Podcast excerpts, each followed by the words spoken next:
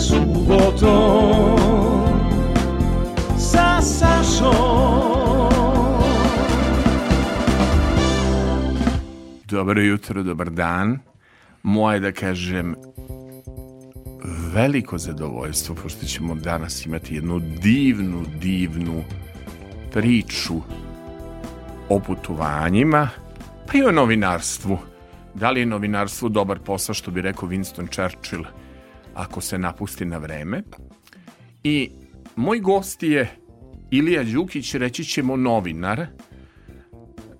Ilija, Pozdrav svima. a moram da pitam samo jednu stvar, a to je gde mogu da vas zaprate Na, slušateljke i slušalci? Gde mogu da vas... Mogu i na Instagramu i na Facebooku, imam i blog, zove se Magični kompas, e, tako se zove i na Instagramu, blog o putovanjima, ali na neki drugi način pričat ćemo još o tome. Pričat ćemo o putovanjima. Šta Ilija voli kad su putovanja u pitanju? Da pronađe neko tajno mesto, nešto što nije, jel tako, u Tako nekim je. vodičima, što Tako je. nije u nekim...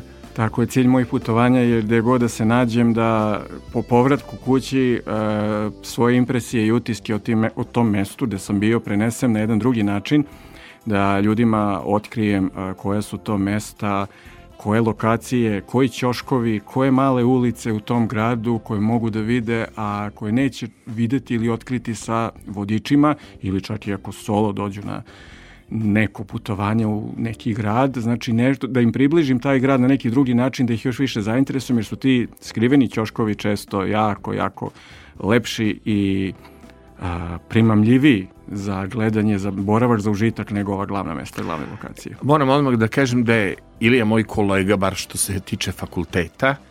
E, on je završio isto fakultet političkih nauka, smer novinarstvo, je li tako? Tako je, tako je. Deset godina mlađa generacija i čovek koji je dugo radio u novinama, je li tako? Koliki je taj staž Ilija bio? 26 godina, još od 1996. pa... Od, od nastajanja tabloida vi ste radili u, u, u novinama. Tako je. I, i, I to ste baš e, radili u novinama Baš u novinama. tiražnim, Mm, Blicu i da. ku- kuriru, koji su zapravo uvek tražili da vi imate neke ekskluzivne informacije, doći ćemo Tako o vašim ekskluzivnim a, informacijama.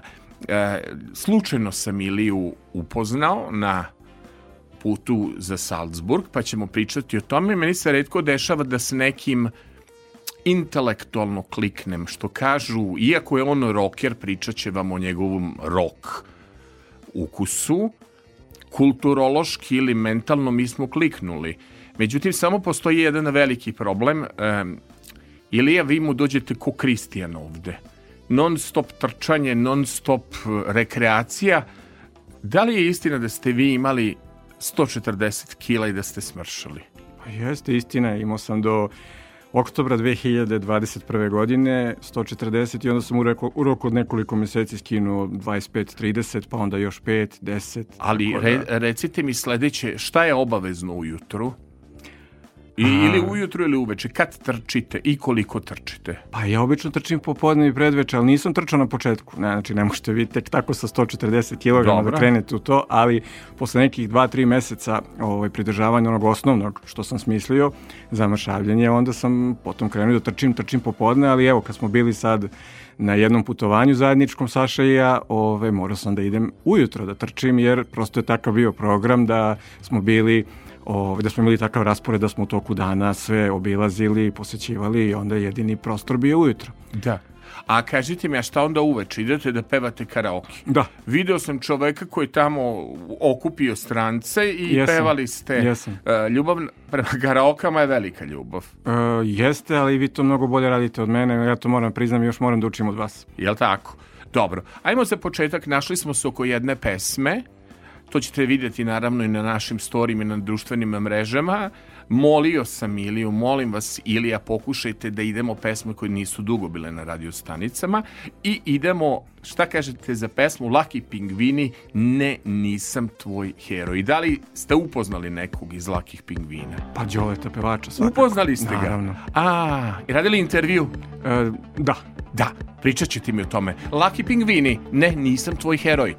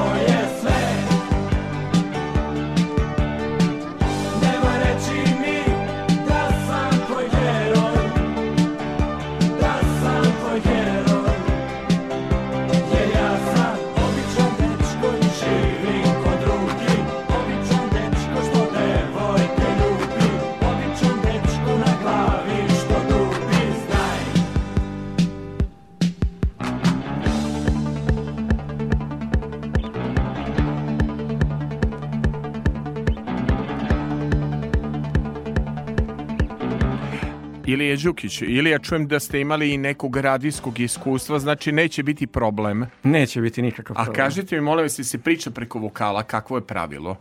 Da ja ovde ne pravim haos Draganu Vukmiroviću stalno, mislim, trudi se čovek da to bude, što kažu, perfektno. Opa, opa, čujte pesmu. A, pa ovo je fenomenalna stvar. Zelene su bile oči to. Da, da. To nešto biografsko, autobiografsko. Loša pava, ćera 1 i ćera 2. Idemo da čujemo malo pesme sada. Jagode je brala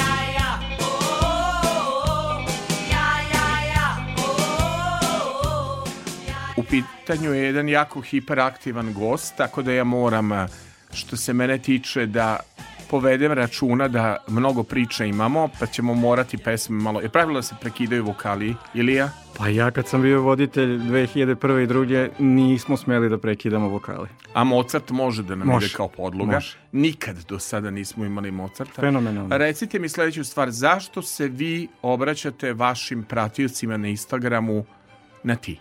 Da, i na Instagramu i pre svega na blogu Magični kompas u svojim putopisima i reportažama, tekstovima, pa zato što mislim da je taj neki neposredni kontakt bitan da čovek bolje oseti tu moju impresiju, moje utiske sa lica mesta gde sam bio, šta sam doživeo, šta sam jeo, popio, šta sam obišao da a, m- prosto ponekad moramo da rušimo neke barijere na drugi način. Znači, zašto da idemo nekim tradicionalnim načinom e, saopštavanja informacija, ophođenja, E, to na ti je mnogo bolji trend trenutno i u svetu. Kod nas nije toliko zaživelo, vidim da i dalje 90% ljudi se obraća čitaocu sa vi. Međutim, ovaj, kod mene to već dalo i rezultate. Ljudi su zadovoljni i kažu da se osjećaju mnogo lepše kad čitaju taj blog. Jel nam ovo daje neke emisije austro-ugarski šmek ove Mozart? Apsolutno, Mislim da je skroz. fantastično Jest. da bude, da bude ispod i da vaša emisija bude drugačija od e, svih ostalih, nego recite mi, zašto ste napustili novinarstvo? Moram da kažem da ste izuzetno uspešan čovek. Mislim, gledam način e, koliko ste vešti u marketingu, prosto bih mogao da naučim nešto i o Mogu bi od tebe, krenut ću na ti. Može, Mogu može bih od ti. tebe da naučim i kako se nešto reklamira i kako...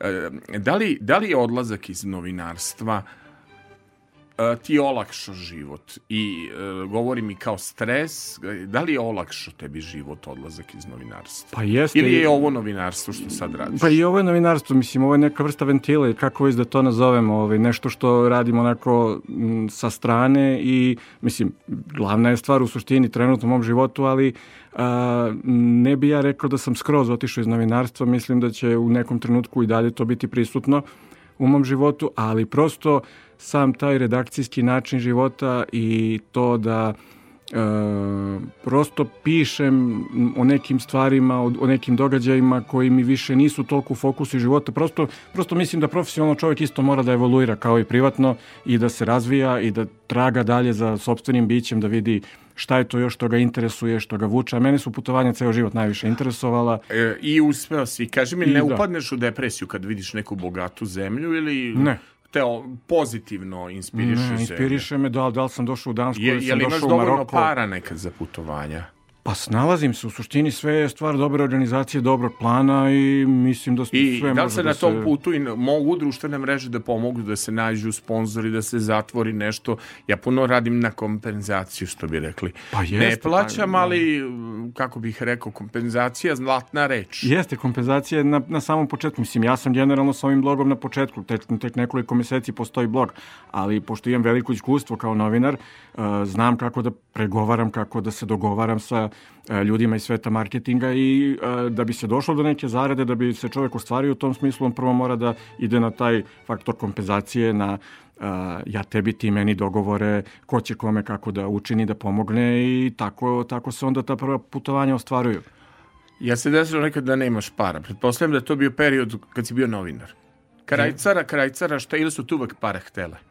Nisu mi pare htele, ali me jeste htela ta pesma koju obožavam. E, sad ćemo slušati pesmu Plavog orkestra, to smo pevali nas e, dvojica, Tako je. šetajući Salzburgom i bili smo jako dobri i gledat ćete na našim um, društvenim mrežama Aleksandar Filipović NS i uh, Magični Magični kompas. kompas. Ilija. Jao što voli Ilija ovu pesmu. Ova gitara je najbolja na početku. Rocker, ali ja sam ga napravio pop. Krajcara, krajcara, šta vam je momci život bez para? Kraj cara,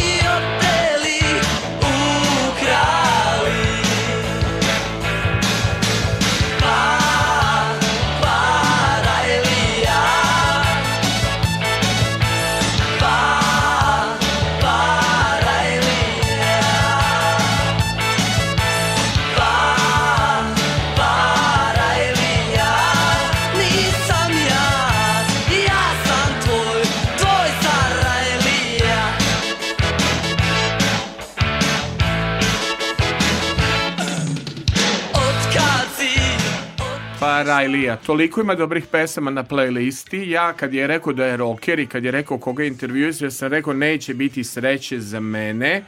Ovaj, a, ovo je rocker. Međutim, čovek se prilagodio. Bio je, uh, Ilija, bio si čak u 15 redakcija i uh, pratio si šta? Obis, obišao si vodeće svetske filmske festivale. I jel tako? muzičke, da.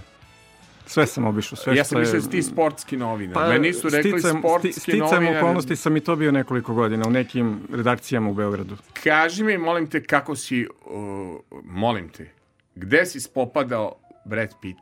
U toaletu Kanskog festivala. Nije li to baš pristojno nekog spopadati po tome? To je jedini način da vi dođete do tako nekih zvezda. I kako si spopadao Bruce? O, mi ne Bruce, bože, Brad Pitta. Pa pošto sam video da ima kordon obezbeđenja oko sebe Dobro. i da se pojavio pred novinarima sa druge strane zgrade Kanskog festivala, primetio sam kako u jednom trenutku umakao i otišao do toaleta i ja sam napravio naravno ovaj, nisam glumac, niti sam ikad glumio, ali sam morao da upotrebim i tu veštinu sve zarad cilja, tako da sam ubedio obezbeđenje da se i meni ide u toalet.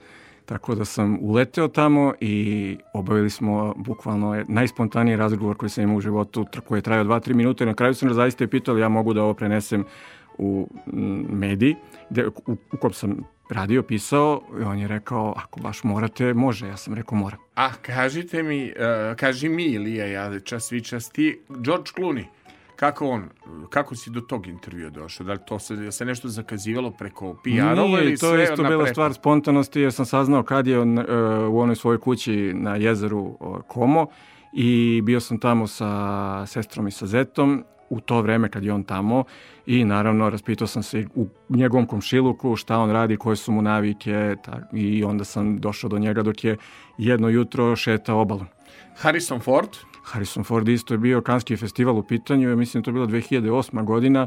Ovaj, sedeo je čovek eh, tamo kod Roazete u nekom otmenom kafiću i ispijao svoje piće sa nekim prijateljem. Ja sam prišao, predstavio se, zamolio ga za autogram.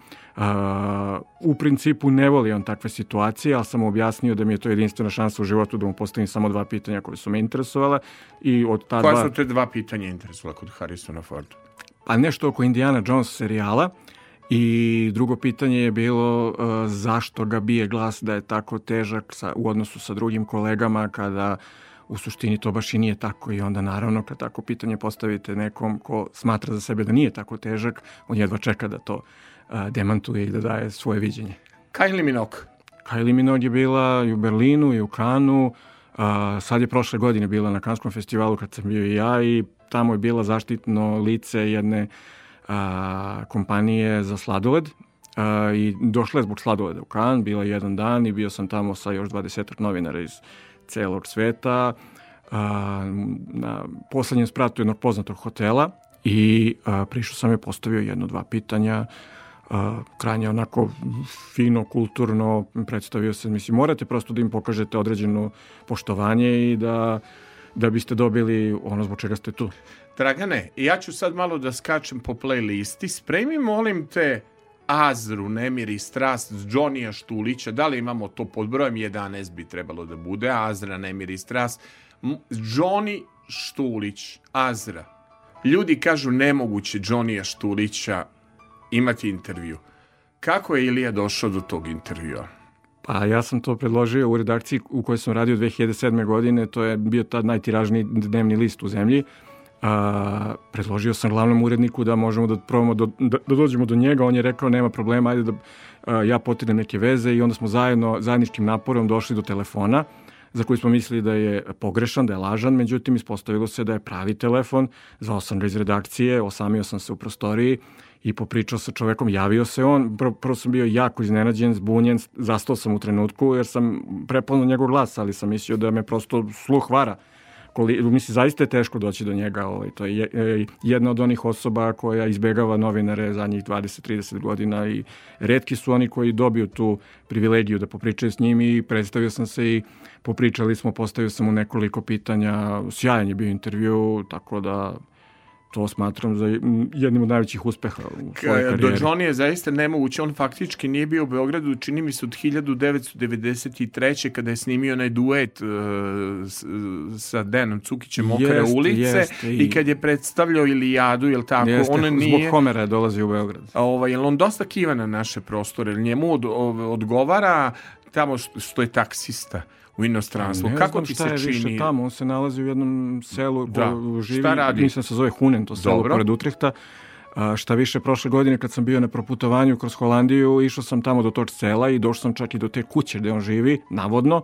A, zvonio sam, niko nije mm, Išao si da zvoniš, Da, međutim, ideš po poljub- kućama pa zvoniš, sam to vrata, idemo ugrožavanje šta da privatnosti. Pa- Zveni sad da meni zvoniš ovde Volim sad na izazove, tako da... Pa Sad mene, na primjer, tražiš. I dođeš pa zvoniš ovde u multimedijalnu zgradu radio televizije. A neću ja da budem neprijatan, ja dođem i predstavim se, osmeh na licu, dobar dan, dobar Pa dan, da, ja bih voleo kad da dođeš ko poštar, Sašu ko. Filipovića. Jel? Si upoznao Sašu Filipović. Dobro. E, a sada ćemo u ime Johnny imena pesma malo da bude tvrdog zvuka. Skroz sam, Što da ne? skroz sam. Nemir i strast koji govore ovim, dakle, balak... Uh, što je ovo dobra pesma. Uživajte, mi ćemo da plešemo ovde. Johnny, Štulić, Ilija Nemir ili je strast, Azra. Ili je nemir, ili je nemir, ili je strast,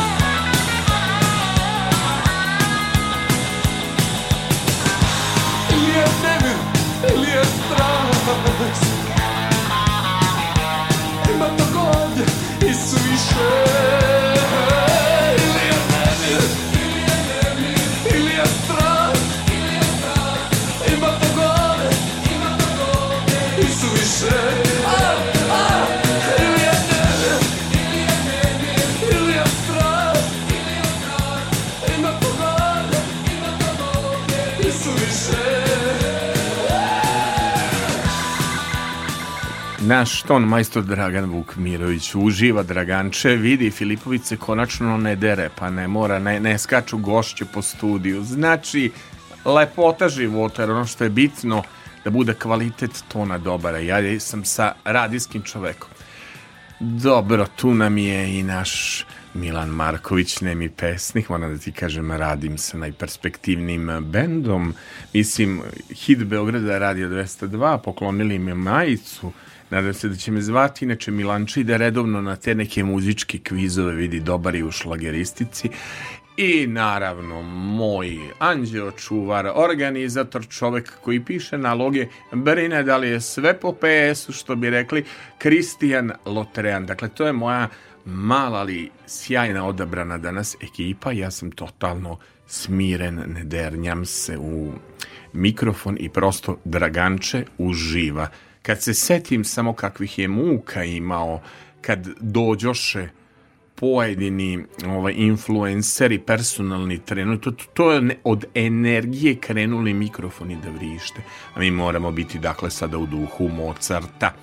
Naš gost, Ilija Đukić, novinar, magični kompas Instagram stranica i blog. Ilija, pošto se zaista osoba lepih životnih priča.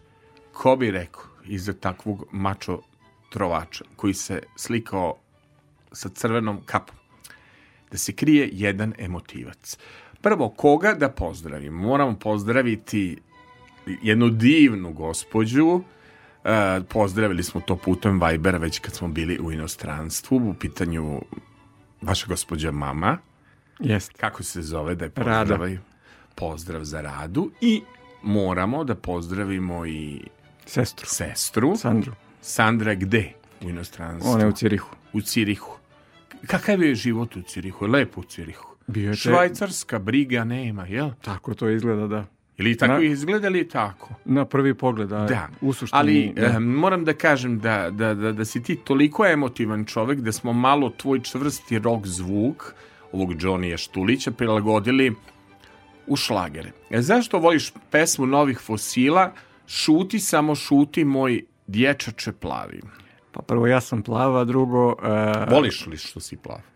Mm, nisam voleo kad sam bio mlađi, kad sam bio u osnovnoj školi. Mislili su se... da si neki skandinavac, jeste, da jeste, si neki da sam ne... nemac, da, da, tako da. nešto. I dosta sam se razlikovao. Ba znate kako to ide, mislim, u stvari znaš, pošto već nećemo da persiramo, ovaj, kako to ide kad je škola u pitanju etiketiranje i ostalo, ali dobro, nisam imao problema s tim, prosto je meni bilo onako malo čudno, posle sam se navikao i sad volim što sam plav, mada sad već više i sed, ali e, ta pesma mi je obeležila detinjstvo zato što mi je to majka i sedam godina starija sestra, to su mi često puštali uveče a, i neću da kažem kad su me uspavljivali, mislim da sam imao dve godine kad je ta pesma nastala, 1979. Ali a, prosto mi je ostala u tako snažnom sećanju da kad bi me sad evo neko pitao kao ti, evo koja ti je pesma prva koja ti je ostala u sećanju, ja bi prvo rekao to.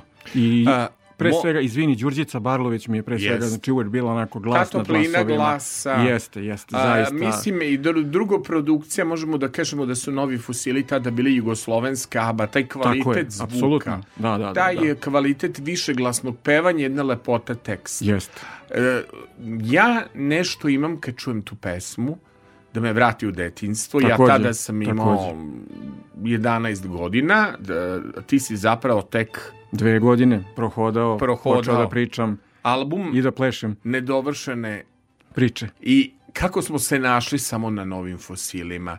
Ovo je specijalno za, e, moram da kažem, srećan sam čovek kad imam tolike poštovoce, lika i dela, da, da tako kažem, mama i sestra, su, prosto su me i htele pozdraviti. Čak i iz inostranstva. I zapratila me sestra na Instagramu, moj profil ovaj zatvoren, tvoj nije, je li tako? Nije, nije. Nisi zatvorio, ne plašiš se? Čega? Manijak.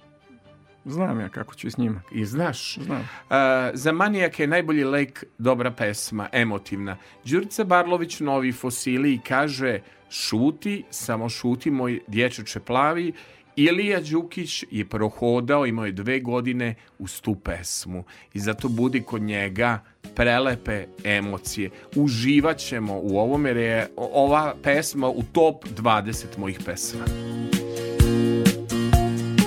Iako da davno su nestale veze što spajale su nas Iako davno izbrisane su riječi i ne pamtim ti glas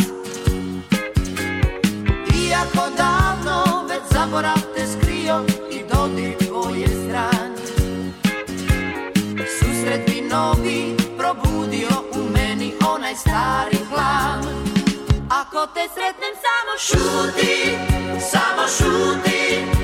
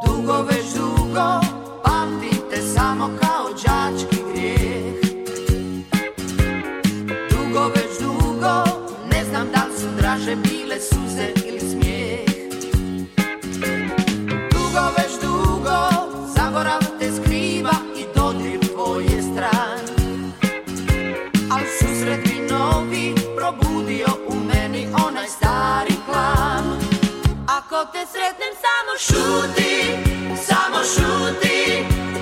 Šuti moj dječače plavi I nek tvoja kosa plava Na jastuku uspomena spava.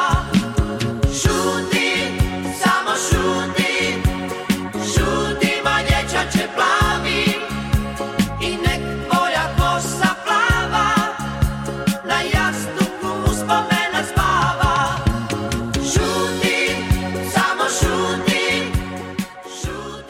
Kako bi nam išla ova pesma da pevamo? Šuti, samo šuti. Ma, jako je lako. Do, dobri su vokali. Znaš da je to miksano u Milanu? O ta pesma. Nisam znao. U Milanu je miksana i producirana. Dobro. A reci mi, znači koja je bolja pevačica te po tebi, Đurđica ili Sanja? Od Đurđica. Toplina glas. Da, da. Pesme. Apsolutno savršenstvo od glasa. Jel tako? Nedovršene priče, sećanje na detinstvo. Magazin. Zašto ti si želja mog života? Šta se desilo? Četiri godine sam u srednjoj školi bio zaljubljen u drugaricu iz odeljenja. Dobro. Međutim, nijednog trenutka nisam je to priznao sve do mature i kad je bila matura u jednom hotelu beogradskom, tražio sam od benda koji je svirao da nam odsvira tu pesmu i tad sam, joj, tad sam je zamolio za ples, ona je pristala i tad sam joj rekao šta osjećam prema njoj. Bio si mi sjaj oku. Sve što imam, sve što znam Kako srcu svom da priznam Da bez tebe moram se Bio si mi ljeto zima Sve što srce zna da ima. Bio si mi noć i dan Sad bez tebe moram znam Ti si želja mog života Ti si želja moga sna. Ako hoćeš ti još možeš Da mi svoju ruku daš. Ti si želja mog života Ti si želja moga sna. U životu, u životu Samo tebe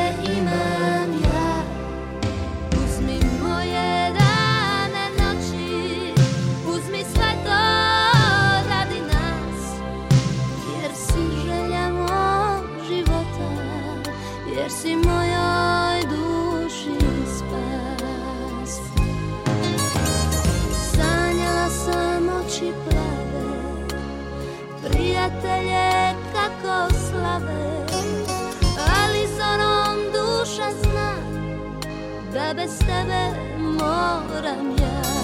Ti si želja mog života Ti si želja moga sna. U životu,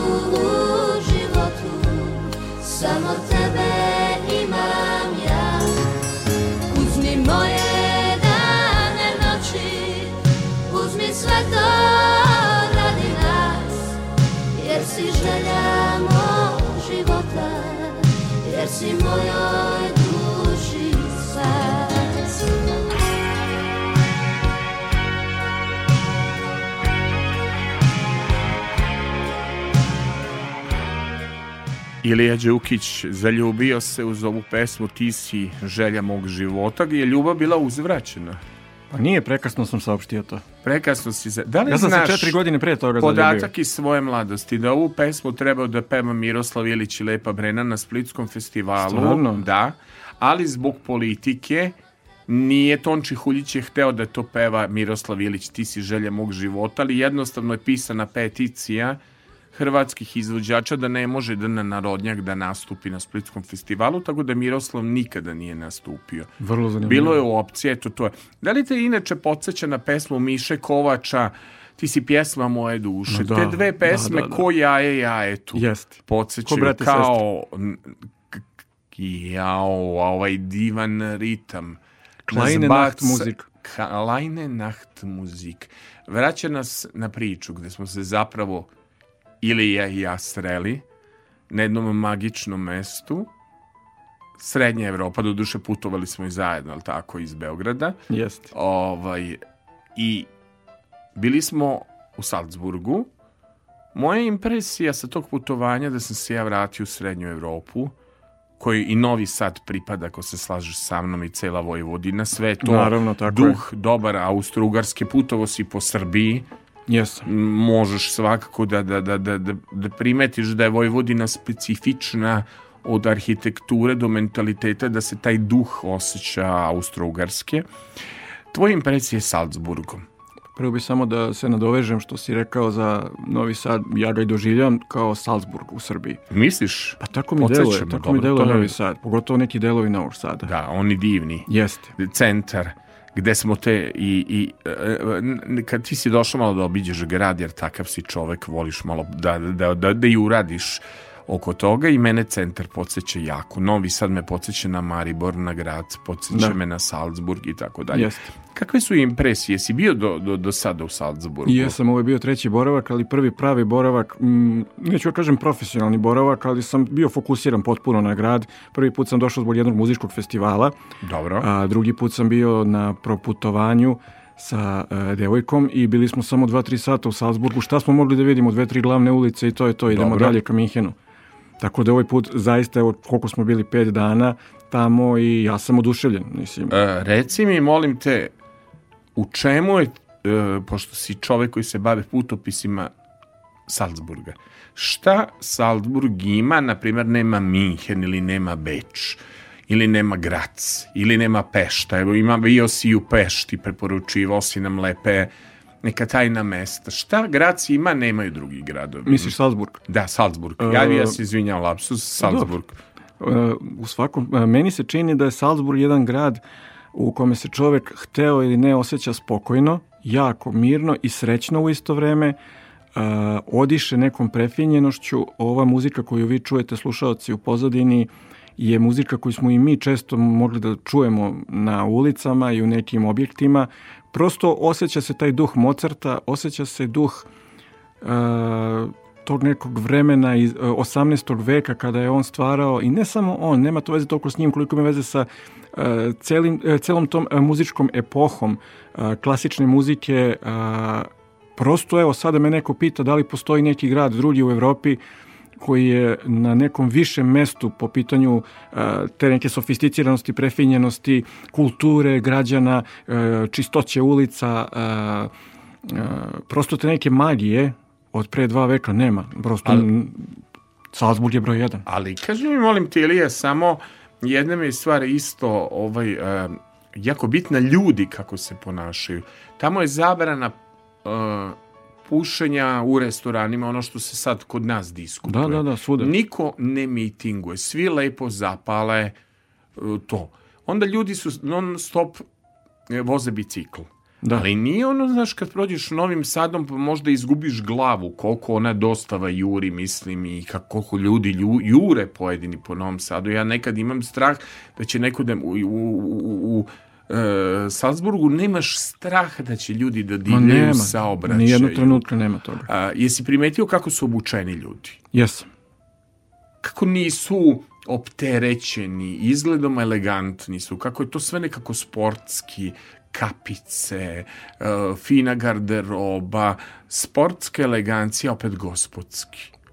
Tu me podsjećaju malo i na Holandjane i na Švajcarce, s tim što oni imaju po meni mnogo više života i osmeha od drugih ovih nabranih naroda.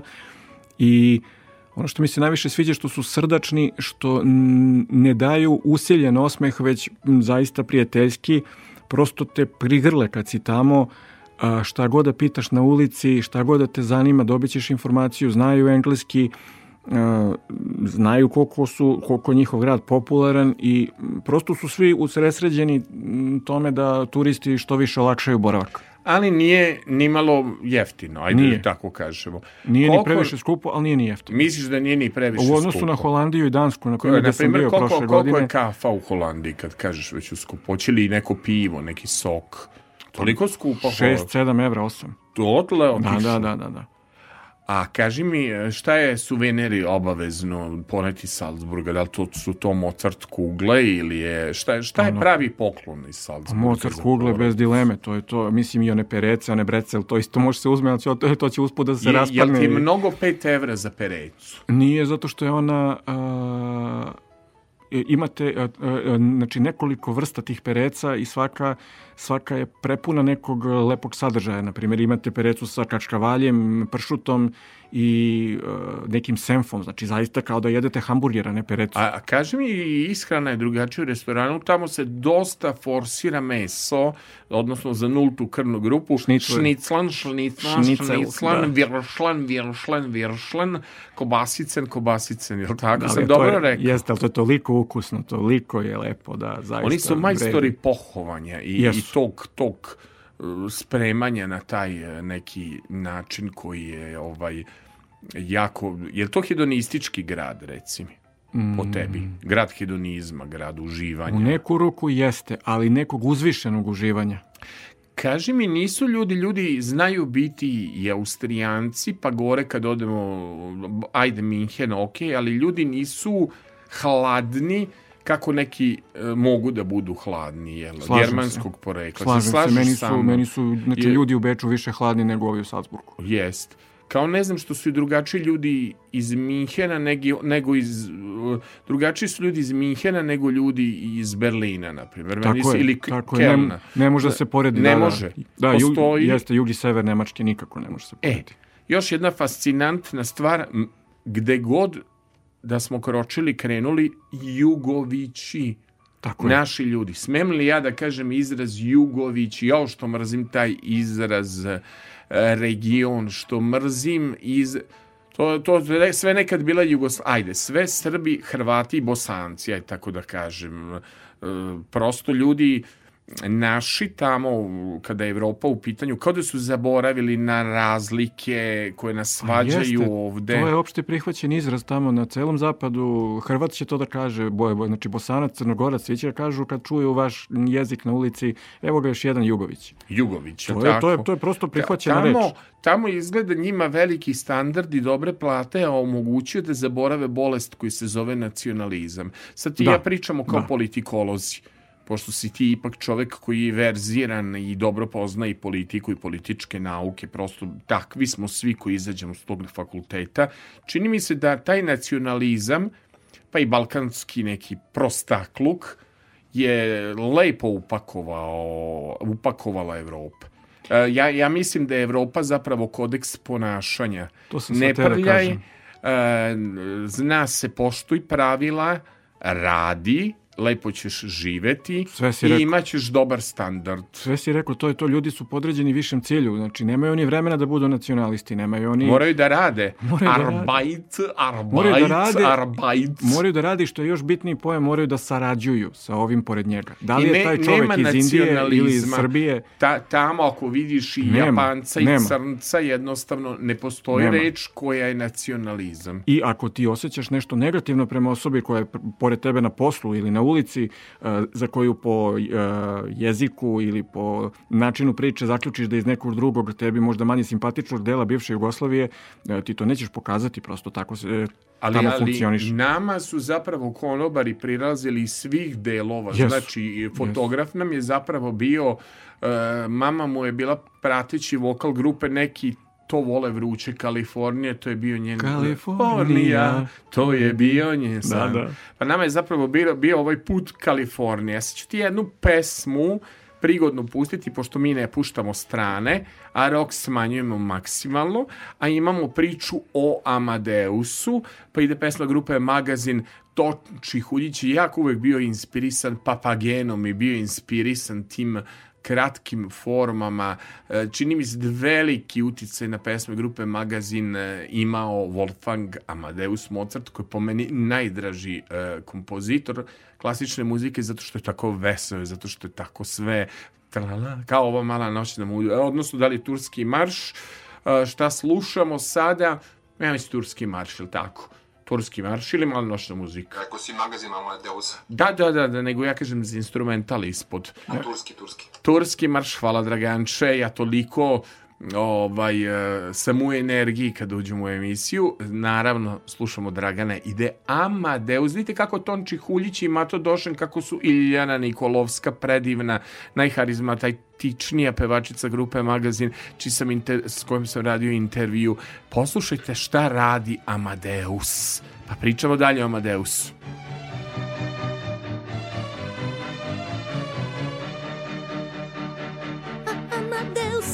Ko curica. I svu noć svira da fascinira.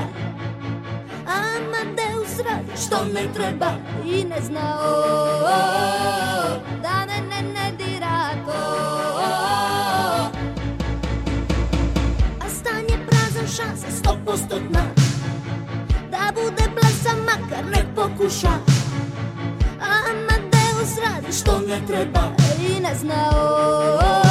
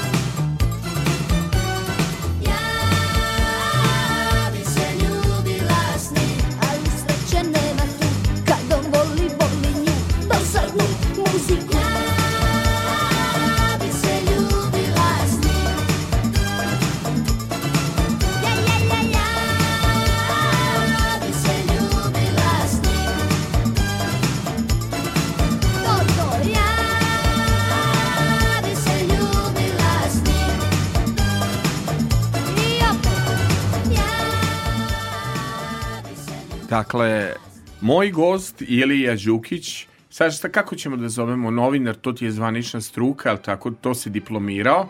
Ka- koje ti je zvanje? sad, Travel mislim? blogger. Molim? Travel blogger, tako I se to je sad- postala Pa, profesija. to je to, tako se kaže. Travel bloger? Da. Dobro. Koliko si već tu u tom poslu? Pa, što se tiče bloga, vrlo kratko, 5-6 meseci u vrh glave, ali pišem tekstove i objavljivao sam tamo gde sam radio, ima već 3-4 godine, E, ali... Aha. Ajmo mi da se vratimo na Mozart, ako se Može, slažeš. hoću. Postoji u Salzburgu jedna manifestacija koja se zove Mozart Diner, to je Mozartova večera i naš je Ilija mogao da bude u nebrnom grožju. Pošto sam ja išao drugi put, ja sam se okrenuo od pevača da me slučajno ne uhvate u program. Šta ću ja sad s pevačicom tamo da idem? Ali šta se desilo? Pevačica je oko Ilije nešto obletala. Jesam li ja pogrešio nešto? A, meni je bilo jako čudno što se naš dragi Saša okrenuo kako je počela Znao je šta te čeka. To sam sad htio da kažem, kako je počela večera i prvi čin opere, pošto vi kad tamo večerate a, u tom nekom prestižnom delu, pored katedrale Salzburga, a, imate zaista operu u isto vreme. I a, Saša je okrenuo leđa. I posle sam teć zaključio kad sam vidio šta je meni moglo da se desi i šta se desilo jednom gospodinu koji sede u prvom redu, o, shvatio sam da je... m, Šta se desilo gospodinu? Pa kako je... a, Odakle je bio gospodin? To je bio neki španac? ja bih rekao čak možda i austrijanac, Dobro. mislim stariji gospodin jedno, I? da, 65, možda Dobro. 70 godina bio je sa suprugom i pošto vole e, pevač i pevačica da tokom e, izvođenja tih čuvenih pesama uključuju publiku u priču, a, pevačica je prišla tom gospodinu i uhvatila njegovu ruku i stavila njegovu šaku na svoje grudi. A jaoj, I a jaoj. on je pocrveneo, uh, nasmejao se, a onda je pitala uh, njegovu uh, suprugu, mislim, gestikulacija je bila takva da li ja mogu s njim da odem u drugu prostoriju. Naravno, gospođa je bila ljutita, on, o, ljuta i Ljuta. onako je pokazala Ne. rukama, ne, ne, ne, nikako. Na primjer da si ti bio u toj situaciji, da ti pevačica stavi ruku na to mesto, jel bi ti crveneo? Kako bi ti bilo? Pa ja sam već bio pocrveneo. Ja znam kada- da si crveneo pošto je pevačica obletala oko tebe. Bila je Jeste, bila zato je što jedna prvo je- jako opasna situacija da ti budeš u toj poziciji da te pevačica stavi ruku da ne bi Pa ja sam svašta pomislio, jer ako je to uradila sa njim u prvom redu, šta je onda mm, znači, smislila za mene? Zaista sam Ali, se zapitao znaš u što trenutku. sam ja fasciniran kada je u pitanju ta zemlja, tamo su sve ekološke grudi. Ili možeš razumeti, ja silikona nisam video. Ne znam, nisam obraćao pažnju. Dalje, šta se desilo s onom kineskinjom ili japankom? Ona se skroz... Još jedna vrlo, vrlo dobra priča sa te večere. Tokom drugog čina um, bio je jedan mladi momak iz Kine sa suprugom. Mladi su oboje, a, bračni par od jedno 20, možda 6-7 godina, ali vrlo lepo obučeni. Svesno su tu došli, znali su gde dolaze, i, ali vjerojatno nisu znali kakva je a, priča koja prati operu i večeru. I bio je tu čak i njegov otac od tog mladog Kineza i... a, pevač je u jednom trenutku prišao toj kineskinji i uključio je u svoju priču kraj bine. Kineskinja je oduševljeno to prihvatila i sedela mu je u krilu i on je nju gladio po kosi, a, davao je komplimente, a, dok je mladi kinez sve vreme sedeo u ćošku i imao je pogled kao iz horror filmova. Znam, blam, što bi rekli da mali Nije bio- znao šta će predurati, da li da on napusti To- salu ili da ubije pevača. To, to se zove transfer blama, što bi rekli ovi tinejdžeri oko toga. Naravno, kada je u pitanju još e, nešto gde smo mi postali deca, moramo pomenuti i pozorište e, Marioneta. marioneta. To, to je fascinantno, jel, obišli smo kako izgleda iza scene i u pitanju e, je tako bila čarobna frula, papageno, Jest. u pitanju je bila um, da smo se vratili i fotografijama, naši naravno pratioci na profilu magični Kompas. kompas i na profilu Aleksandar Filipović NS i na mom otvorenom Facebook profilu mogu da vide. Mi smo podetinjeli. I- Mi smo se slikali, jel tako? se? Ja ne znam kako je prošla tvoja slika na storijima, ali to što sam ja okačio iz tog pozorišta marioneta se ljudima najviše dopala. Da, Znači ta da, slika. da, da. Pa meni najviše se ljudima, ako ćemo već da pričamo, dopala krigla. Pojedincima Dobro, ovde se Krigla, dopala naravno. krigla, to je imalo o, 350 lajkova. E, s obzirom da mi je rekao, jedan moj kolega je dao ovaj sinu Facebook, otvorio Facebook samo da bi se dete igralo, on je rekao Filipoviću ti nisi normalan. Mislim, to je bila metaf metafora. Da, da, da. Ti si imao 55 objava u tri dana posta. Da li je to... Pa toliko si bio oduševljen Salzburgom, sve, sve je jasno. Um, na primjer, t- tvoju decu, ti imaš blizance, jel Imam, tako? A, koji su uzrast? E, peti razred. Kaži, misliš, da li bi njih oduševilo da odu u Salzburg da pogledaju ovaj, e, takav muzej? Da li, da, da, da, li, da, li, Pa- da li to budi decu nama? I mi, mi, mi stari ljudi pa smo podetinjeli. Ne bi ih oduševilo na prvu loptu, jer a, mislim da možda su jednom gledali Pinokija u Beogradu, ne sećam se dobro, ali mislim da im se to toliko ne bi dopalo. A, sam, sama ideja ali kad bi se svetla ugasila, kao što se nama ugasila u sali, i kad bi počela predstava, fenomenalna predstava, ovaj, Čarobna frula, koja je trajala više od dva sata, Mislim da bi bili oduševljeni kao što smo svi mi bili oduševljeni i žensko društvo u kome smo ti i ja bili Saša je sve su a, naše drage drugarice pustile suzu tokom predstave. E, jedan savjet za dijetu. Ja sam non stop jeo. Ne postoji čovek koji je toliko pojeo bečkih. Ja, ako mi se viršle nisu puckale, ja sam odmah tražio kobasicu dok ne pucne. Hoću da ti kažem, jeo sam knedle. I tu si bio prilično i- pobirljiv. I, i, Probirljiv za te kobasice. e, i, i pio sam pivo. Jesi. Hoćeš li reći fenomen zašto si ja tako došao lepuškast na snimanje? Da li je to izbacivanje hleba iz hrane? Oni ne jedu hleb Da. sa jednim obrokom. Da, ja mislim da Da li je zapravo izbacivanje iz hleba dovelo mene da se ja vratim ovde ko mladić? Ne samo izbacivanje hleba, nego i naš tempo, jer smo mi dosta toga obilazili po danu. Po 15 km, šta da, kažu? ovi? Da, na mom telefonu, jeste, imam, imam, kako da ne. Mislim, mi smo u proseku nekih 10 do 13 km dnevno prelazili. još? E, tvrđava, jel tako? Sama tvrđava je sigurno dok De- je ceo, e, celu obiđeš 2-3 km. Zanimljiv odnos njihov prema istoriji. Oni prema svojoj istoriji, pobedama i porazima govore otvoreno. Jeste. E, imaju taj jedan odnos da istoriju ne mistifikuju, nego dosta to Tako je. realno predstavljaju. Meni se sviđa njihovo, njihov pogled na istoriju. Jeste, ponosni Čak i kad da. su gubitnici, oni, Oni ne su poka- ponosni i na to. I kad su izgubili rat, oni su ponosni. Zato što su prosto znali da su dali sve od sebe prosto su ljudi verovali u to. Da su oni bili naši neprijatelji ili prijatelji u istoriji, oni su ljudi, ja pričam iz ugla njih, oni su u svaku tu bitku verovali da je tako treba. Muzej moderne, da li ti se svideo? Dopao mi se. Dopao ti se. Jeste. A nije li sve na trećem spratu malo u obliku kukuruza?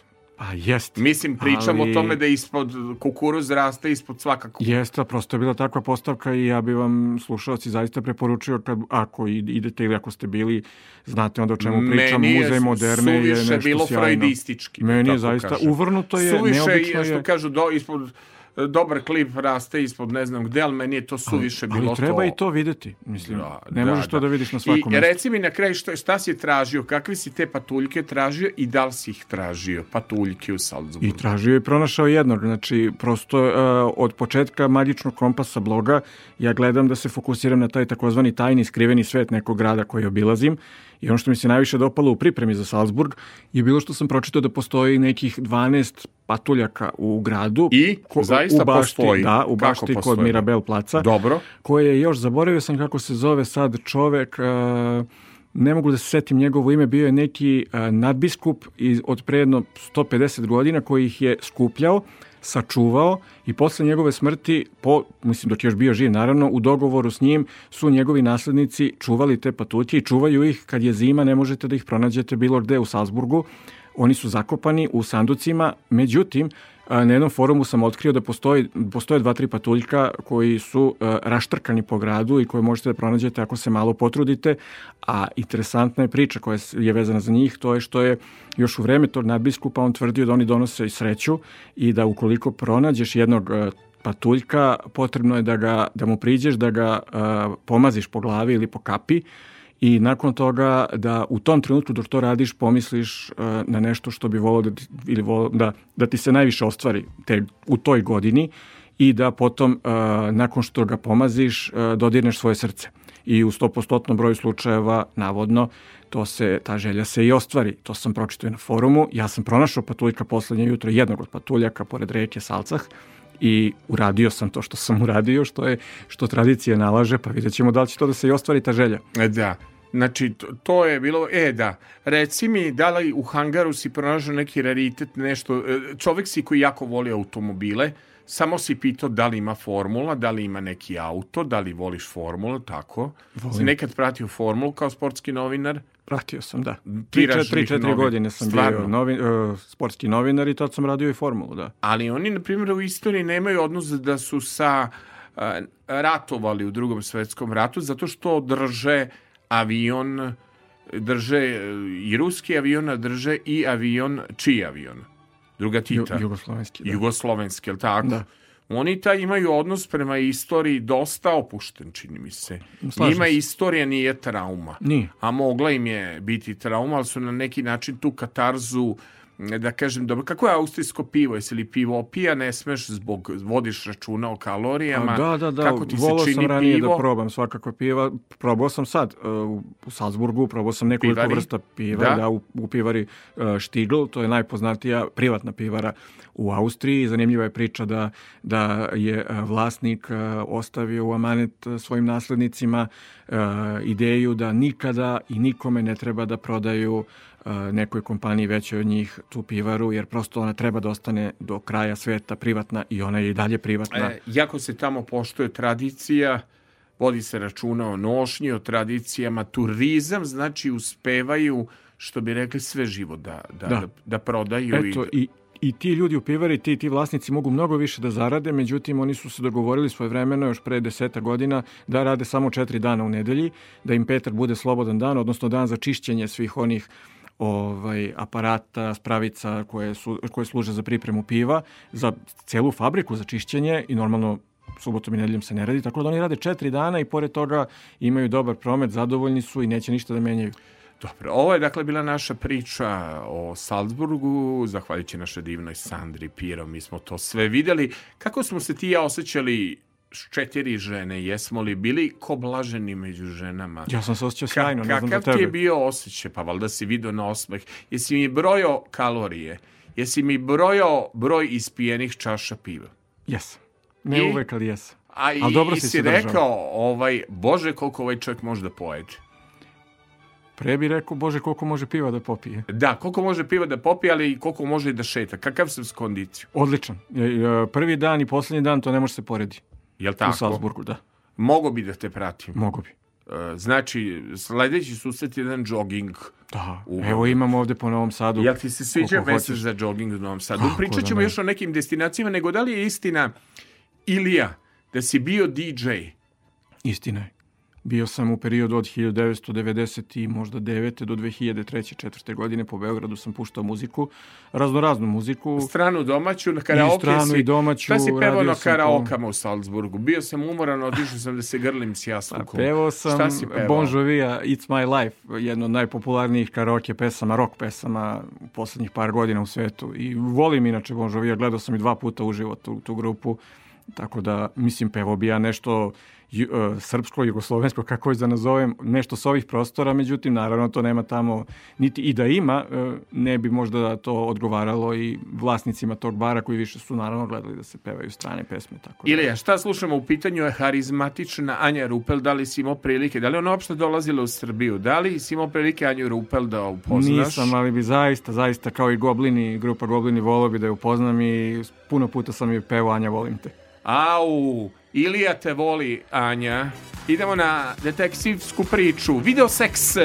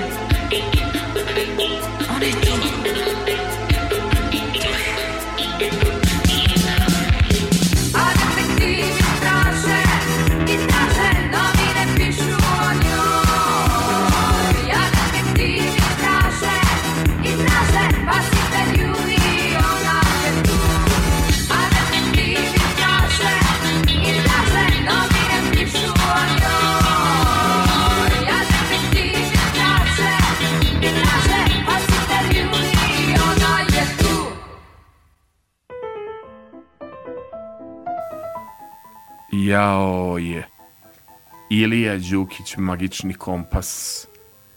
E, sada Ilija, ajmo da, da, da još malo na novinarstvu se vratimo. E, došli smo do zaključka i, i da, da nam je fantastičan utisak ostavio Masimo Savić, koji negde sad iznad planete. Jeste. Jel ti prijao taj intervju? Kako nije? Pa m, e, rekao bih da u poslednjih nekoliko godina je to e, smrt poznate osobe koja me možda i najviše potresla. A, on je to vešto krio i kad sam čuo da je preminuo, zaista sam mislio da, da je to lažna neka vest na internetu. Ostavio je fantastičan utisak, jedan pravi gospodin je bio šmeker u duši, a, čovek koji je izuzetno bio galantan i fin san, u, u radu s novinarima. Verujem da bi velika većina novinara iz Srbije to potvrdila. Volao je da dolazi ovde, u, uživo je u koncertima i u Beogradu i u Novom Sadu i u svim gradovima gde je nastupao. A, tri puta ili četiri puta mislim sam s njim svoje vremeno radio intervjue. Najbolji mi je bio jedan intervju negde 2000 možda treće ili četvrte godine ovaj, kad smo bili na kraju u restoranu uh, u centru Beograda gde u stvari bili smo na nekoj drugoj lokaciji pa je on rekao ja sam gladan, ja bi da odemo do restorana.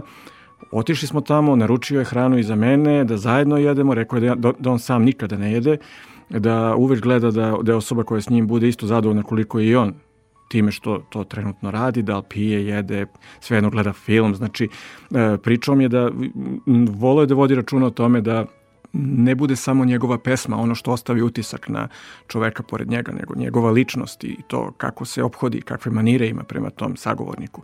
Tako da, celokupan moj utisak je bio zaista da je on meni ostao nekako broj jedan od svih tih poznatih ličnosti sa ovih prostora s kojima sam imao prilike i privilegiju da razgovaram u životu. Mada ja mislim da, da, da više ti je bio rock, pop, rock ukus, da si tako birao sagovornike, ne, nešto ne čini mi se da si radio iz sfere narodne muzike ili grešim, ovaj, više si radio pop rock izvođača, nekako taj tvoj rokerski ukus se osetio, da si birao ličnosti, jel si mogao Mislim, da biraš? A, Da li je novinar može da bira kada radi kulturu? Pa kako kad... kad? Ja, ja bih pre rekao da je, da je to bio sticaj okolnosti jer uh, uh, kolege bivše s kojima sam radio po tim prvim redakcijama pre 15-20 godina su se otimale za te šlageraše, za mm, pevače narodne muzike, zabavnjake, tako da redko ko je bio u tim nekim rok vodama. A ja sam to i privatno volao da slušam često i onda sam ja to onako spontano počeo da prihvatam da sam ja osoba koja će da priča sa rokerima. I zato je to krenulo u tom pravcu. Inače, da je bilo, na primjer, prostora u nekoj redakciji da pričam sa uh, Nadom Obrić ili sa uh, Terezom Kesovijom, sa sa, na- Doris Dragović, svakako da bi ja to radio sa Tajči, mislim, veoma ti zavidim na kontaktu mi koji si imao sa Tajči, da. A, pa lepo. A kaže mi, si uspio da dođeš do Baby Doll?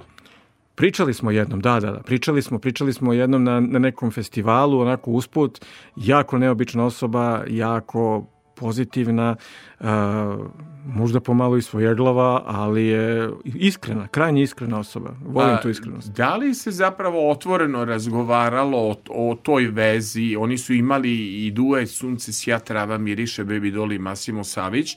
Oni su se zabavljali u 80. godinama. Da li je Massimo hteo to da zaboravi ili je pričao o tome? Mm, I da li se, da li se ti dotičeš privatnih tema? Ja ga nikada to nisam pitao, želeo sam, ali sam stekao utisak i kroz usputne znači, e, razgovore koji nisu bili deo zvaničnog takozvanog programa intervjua, Dobro. stekao sam utisak da, da mu to možda i ne bi prijelo to podsjećanje, iako nije od onih koji bi ti Negirao. rekao na početku intervjua, Nemoj. e, nemoj to da me pitaš ili uh, sledeće pitanje ili napustit ću ovaj intervju ili nešto Jasno. slično. Mislim, on je zaista bio pozitivac, ali sama ta veza, mislim, mislim da je i njega to sve bolelo na kraju do te mere da je prosto izbjegavao da priča na tu Jasno. Kaži mi zašto si odabrao pesmu Bez srca? Baby Doll, Dragane Šarić. Zašto si odabrao tu pesmu? Zato što... A nisi odabrao Rudije, na primjer. Nisi za, odabrao zaboravljeno evropsko vreme. Nisi odabrao Brazil. Odabrao si jednu noviju pesmu Baby Doll. Je to bilo na tvojim DJ večerima? Jeste, jeste, bila je uvek popularna ta pesma bez srca i volim kod uh, bilo kog izvođača da uh, otkrijem sve šta ima u svom opusu i obavezno mi se najviše svidi neka pesma koja nije toliki hit. A ona je ispala na kraju da jeste bila hit. Pa evo ja već e, za goste koji dolazim imam bez srca već tri puta traže. to je neverovatno. eto. Znači da A je da je hit. meni od Baby Doll najlepši Rudi i ona mi je lepa pesma Hajde da Jest. uzmemo neki auto. Je to prava putnička pesma za Jest, tvoj neki i ceo taj njen album blog? je nekako onako bio poletan, uh, pun nekog optimizma, uz, uz taj njen glas. Uh, jako mi se dopada ceo taj, ceo taj njen period karijere. Baby Doll, naš gost Ilija Đukić. Ima li reč za influencer, kako srpska? Ne volim tu reč. A koju ali- voliš? Kao, koja ti je reč? Pa šta ja ti je kažem, profesija? Travel blogger, blogger. I Pa i to je strana Ili reč. freelancer, pošto putni, nisam ide... šta je putni pisac? Kako bi tu pre... Svetski putnik. Svetski putnik. Hoćemo tako da Može. te zovemo. Može. Nećemo do strane reči. Može. Kakav si ti? Jesi sa srcem ili bez srca? Uf, sa velikim srcem. Nije ono velika ti kuća, ali ti srce malo. Ma kako. Ima ne ide. Volio bi da ima malo manje srca. Jel tako? Moje je srce veliko, veliko ti je srce. Naš gost čovek velikog srca, Ilija Đukić. A, baby doll bez srca.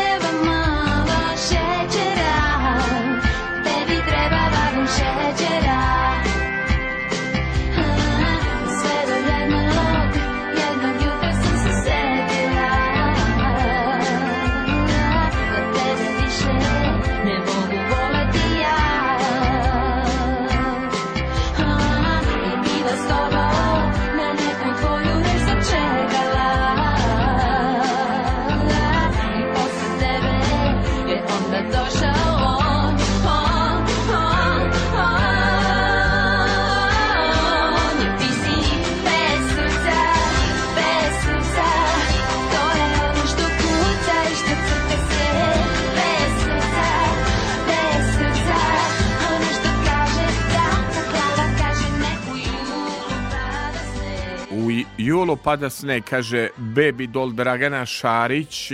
Mnogo imam želje za Draganu Šarić, znači vrlo je popularna u ovoj našoj emisiji, ali sad na playlisti našla mi se jedna jao što nam ovaj Mozart leži, jao, ne, nikad tako nisam imao Gos, ovo je mala noćna muzika koliko ja znam iz osnovne škole, tako? Yes.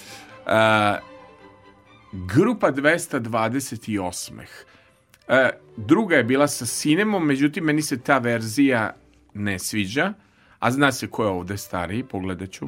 Te. Ko je Slažem ovde se. stariji? Pa, nemam šta da, da dodam, to je to. Da li po, po, nekom rukovođenju mora se pošto urednička reč? Uvek. Pravilo službe se Uvek. pošto urednik, Uvek. stariji. Tako je. Dobro. Ovaj, ja nisam, ne sviđa mi se ni kvalitet snimka što je na a, mrežama. Želao sam grupu 220 i pesmu Osmeh, prvo što ta pesma je korištena u mnogim filmovima. Dragom Linarec je legenda. Ima čak i jedna varijanta grupnog nekog pevanja, da, da je i Arsen Dedic Jest. uključio da peva. Zašto je izbor grupa 220 osmeh? Ja moram da kažem da je to temelj jugoslovenskog rock'n'rolla ta pesma. Da kažem, stvarno da su uz Jugro, pošto kaže, postavili, mada je sigurno stariji Dragomir Linarac, 60 i nek... Zašto voliš osmeh? Jesi? Pa 1996. godine kad sam uh, ušao u prvu svoju redakciju u životu, tamo sam bio muzički saradnik i novinar. Dobro. Uh, to je tad bio, bila najpopularnija radiostanica u Srbiji uh, iz Beograda i volao sam da jutro, pošto sam uvek ujutro puštao muziku i bio novinar, volao sam da svako jutro svoj DJ set započnem sa tom pesmom. Stvarno? Da, i ljudima Da nam je bude to... lep osmeh. Jeste, ljudima se to jako dopalo i imao sam i mnogo poziva, zvali su, pošto to je tad nije bilo vreme znači, mobilnih telefona i ostalo što je danas, tako da je bio direktni kontakt neposredniji i ljudi su zvali telefonom, zahvaljivali se, govorili su da im to jako znači ujutro kad idu na posao, kad se bude da čuju tu pesmu i čak sam uobičavao i kada sam uh, bio DJ na privatnim kućnim žurkama da otvorim uh, taj set sa tom pesmom, pa makar puštao posle toga i tehno i narodnu muziku, potpuno nebitno, ali uvek je ta pesma bila prva. I to sam čak ispojio i sa uh, Magičnim kompasom, sa blogom, Dobro. tako što sam uh, storije sa nekih putovanja uh, bojio sa Dragom Linarecom i s tom pesmom, jer zaista mislim da je osmeh jako bitan u životu, užasno bitan, čak i kad vam ne ide, pogotovo kad putujete, jer ako je putovanje bez osmeha, to nije to. Da.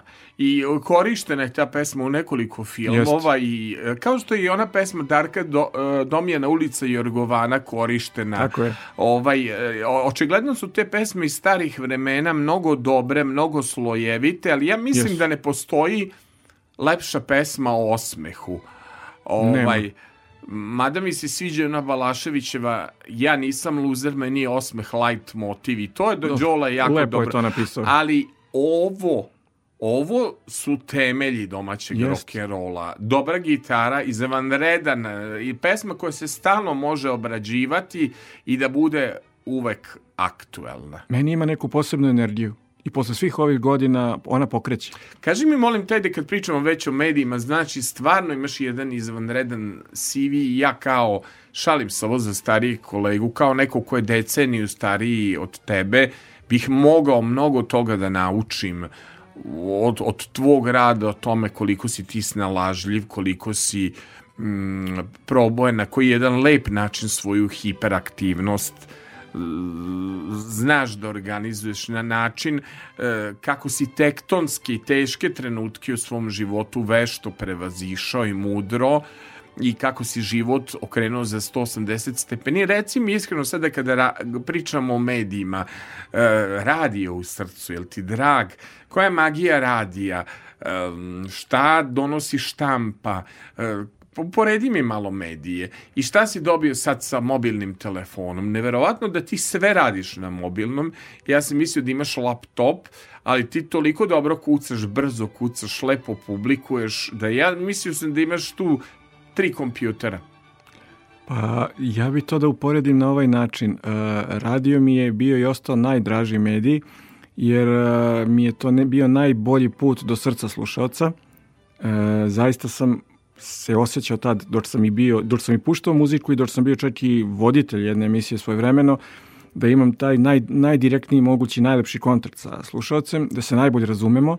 A, ovo danas, znači, online mediji i uopšte korišćenje mobilnih telefona, internet, mi je najbrži način uh, prenošenja informacija svakako, a pošto je, i ti si sam rekao u Salzburgu da mi je brzina srednje ime i prosto sam sav takav hiperaktivan u životu, mnogo toga mogu jako brzo da uradim i postignem, najviše mi leži normalno ovo danas, a što se tiče štampe, e, štampa mi je nekako bila e, lepa, e, odnosno lep medij, e, dnevni listovi, zato što sam znao da to što napišem ostaje i da ljudi to mogu da pročitaju i u škafu i dok idu ka poslu i u školi, da prosto štampa ostaje, ostaje, ostaje u ruci i možeš i da kroz tri dana pročitaš neki tekst, da li će ti se dopasti ili ne, to je tvoje, ali uh, imaš taj neki prostor za to što sam ja želeo da uradim. Da li si savjesnik od društvenih mreža?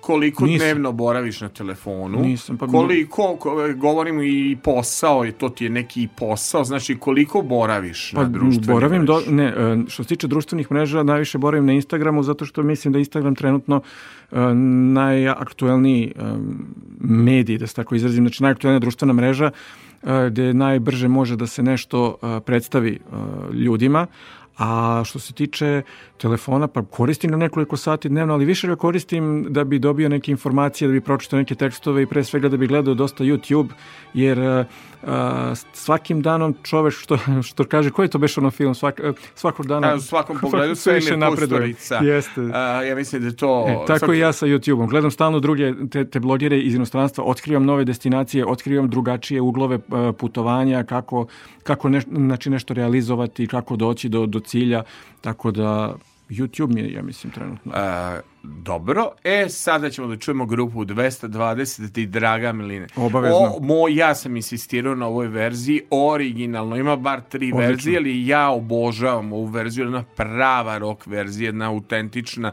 gitara i pesma koja tera na osmeh. Grupa 220 i ja čujte vi ovaj zvuk. Grupa Evo. 220 i osmeh. Drago Mlinarec. Ko sunce što sja do dan. Ko mjesec žut što noću sja Tako mi draga znaj Izgledaš ti dok se smješkom promatraš svijet. Ko jutra dole ze vzorom.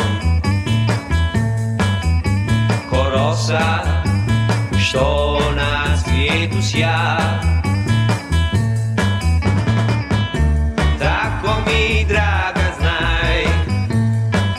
gledaš ti Dok sa smiješkom Promatraš svijet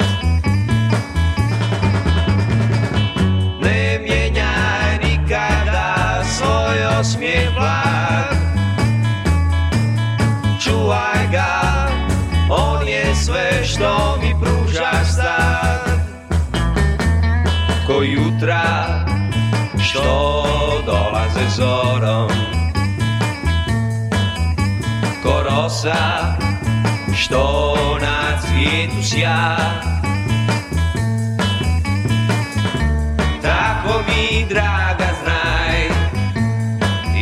Izgledaš ti dok sa smješkom promatraš svijet Ne mijenjaj nikada svoj osmijeh blag Čuvaj ga, on je sve što mi pružaš sad ko jutra što dolaze zorom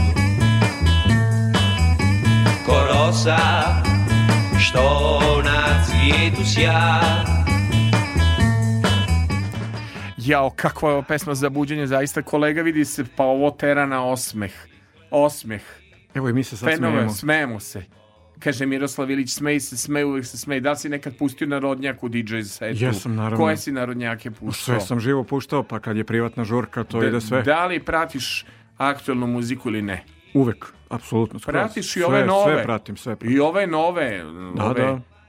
auto tune, pratiš i to Zoki Mm, Šumadinca dobro, i to- DJ. to onako E, Čujem, ali Dobro, pređem dalje. Dobro. Ali ima nešto što je vezano za tvoju, za tvoje detinjstvo i sad ćemo da čujemo, znači u pitanju je pevač u belom sakou, igrao je tenis, Ivica Šerfezi, suze kriju plave oči. Zeliju plave oči Plave oči nevjerne.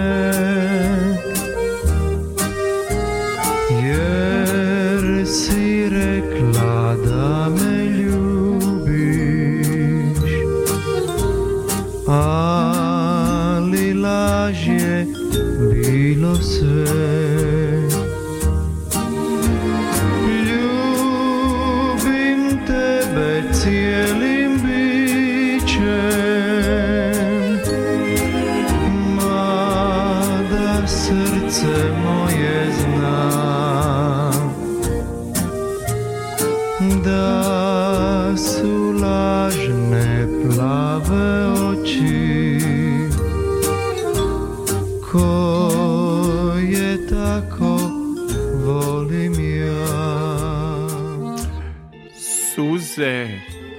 plave oči.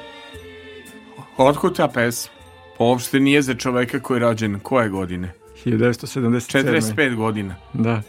Pa se šta, šta pušta? Pa to sam najviše slušao u kući dok, dok sam gledao moje roditelje kako se lepo slažu, a ja odrastam onako mali dečak eh, otkriva sve, sve to oko sebe, slušao je nove fosile, slušao je Pa magazin. ja, ja sam napravio lapsus, u magazinu je suze krijem same teku, Jeste, ovde ovo je liju. suze liju. Vidi kakvo uzbuđenje zbog belog to je- Sakojevica, pa Šerfezija, pa da je Šerfezi, to samo pro- Ljubka Dimitrovska. Tako je, tako je. Ali si divnoj atmosferi Šerfezi je od, odrastao. Jes. Kad ti roditelji puštaju takvu muziku, to odmah miriše na ljubav. Ma odmah sam znao da ću da se bavim ili, ili muzikom ili novinarstvom. Jel? Jel ti nekad u životu štetilo što si emotivac? Je milion puta. Jel? No, bi- Definišeš li sebe kao emotivac? Volio bi da malo svoju brzinu spustim, ali ne mogu. E, brzina ti je ko Formula 1, ja ne znam ja bržeg mislim. Zato sam se oduševio u Red Bull hangaru u Salzburgu. Znam, znam. Zašto? Što te sve podsjećalo na taj. Ajde ja da ti nešto poklonim. Inače, da znate, na društvenim mrežama smo se slikali s kapicama. A sad ćemo da pevamo o šalu, a nije Ćiro Blažević. Iza zelenog šala krije se djevojka mala. Da im da li znaš ovu pesmu? Kompozitor je Aleksandar Korać, rodom iz Subotice, naš najbolji vojvođanski autor šlagera, Aca Korać.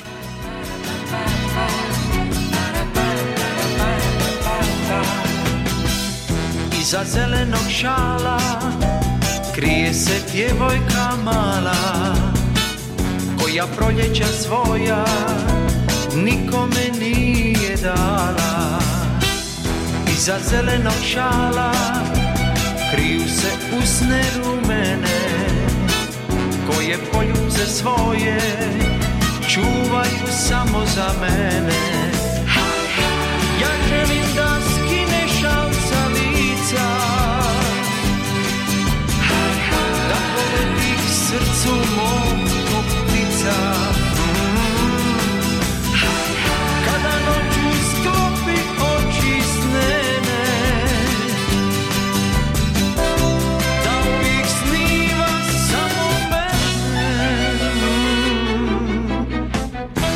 Iza zelenog šala ima li mjesta za dvoje Da sa djevojkom malom Podijelim poljubce svoje Ili je Đukić kaže koliko nisam čuo ovu pesmu. Jako dugo. Ne mogu da se setim koliko A, dugo. moraš priznati da je izvanredna pesma. Aranžman, a, pravi šlager. I Možda to, sam, da, posljednji put sam to, ja mislim, čuo u osnovnoj školi. je li tako? Da. Naš Aca Korać komponovao, koji bih rekao, ako je Đorđe Nolković bio za e, Zagreb, za Beograd je bio to Aca Korać, koji najlepše, najlep, najlepše dečije pesme pozdravite moga tatu na Jest. obalima, na obali. Pa Plavog seti se mora. naše, naše ljubavi, Nada Knežević, sve najlepše e, pesme napisao Aca Korać, koji je zapravo iz Subotice i vuče. To je jedno divno ja prosto kad uzmem disk e, njegov ili s narodnim časom i tuge nalite za Milenu Plavšić je neverovatan. Zašto jedna prelepa pesma Malo mi jedan život s tobom nisam je jako dugo čuo ima spot gde čovek koga sam intervjuisao sa svojom prvom ženom, onom lepoticom em, je u tom spotu. Zašto pesma Đorđa Novkovića, čini mi se da je tekst Marine Tucaković, Đorđe Novković, Marina Tucaković, Mato Došen, Mišo Kovač peva Zašto voliš pesmu Malo mi je jedan život s tobom? Ili to vraća na neko Pa da, ali ne, ovo vraća na najteži period mog života Dobro. koji je bio pre tri ili četiri godine. Jedan period od nekih godinu dana kada svakom se od nas dogodi taj period života kad mu, kad mu se čini da su sve lađe potonule i da ne vidi izlaz dalje. I u tim trenucima ne mogu da se toliko često slušaju poletne, brze, lepe pesme, nego idu i sporije, emotivnije pesme, balade. I tad mi je nekako prvi put u životu baš, baš lego Mišo Kovač. Pogotovo ta pesma koju mislim da sam svaki dan slušao. I danas mi bi volao i drago mi je da, da čujem tu pesmu i uvek ću je slušati, ali I- ta, tad je imala i- posebno I meni značenje. je u jako teškom trenutku i ja sam prolazio takav baš legla ova pesma. Malo mi je jedan život s tobom. jedan Jedan život s tobom Sve je lakše nego Nego reći s Bogom Ja te molim Ja te molim Još samo jedan dan a onda neka umre nek u tome mu sam ja te molim ja te molim još samo jedan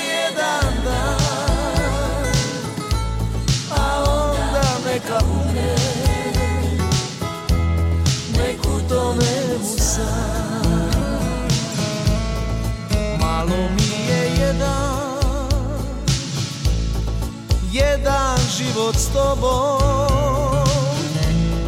Srce se ne stidi. Klećim tu pred tobom. Ja te molim Ja te molim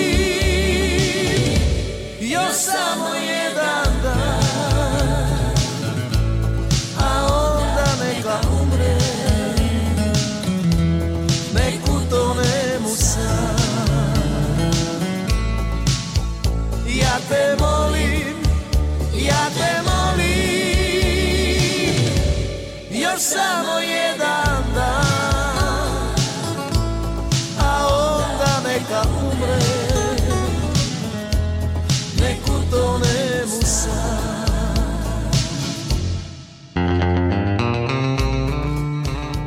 Malo mi je jedan jedan život s tobom, Mišo Kovač, a ispod nas, jel voliš Stipicu ili Nikicu Kalođeru? Nikicu. Molim?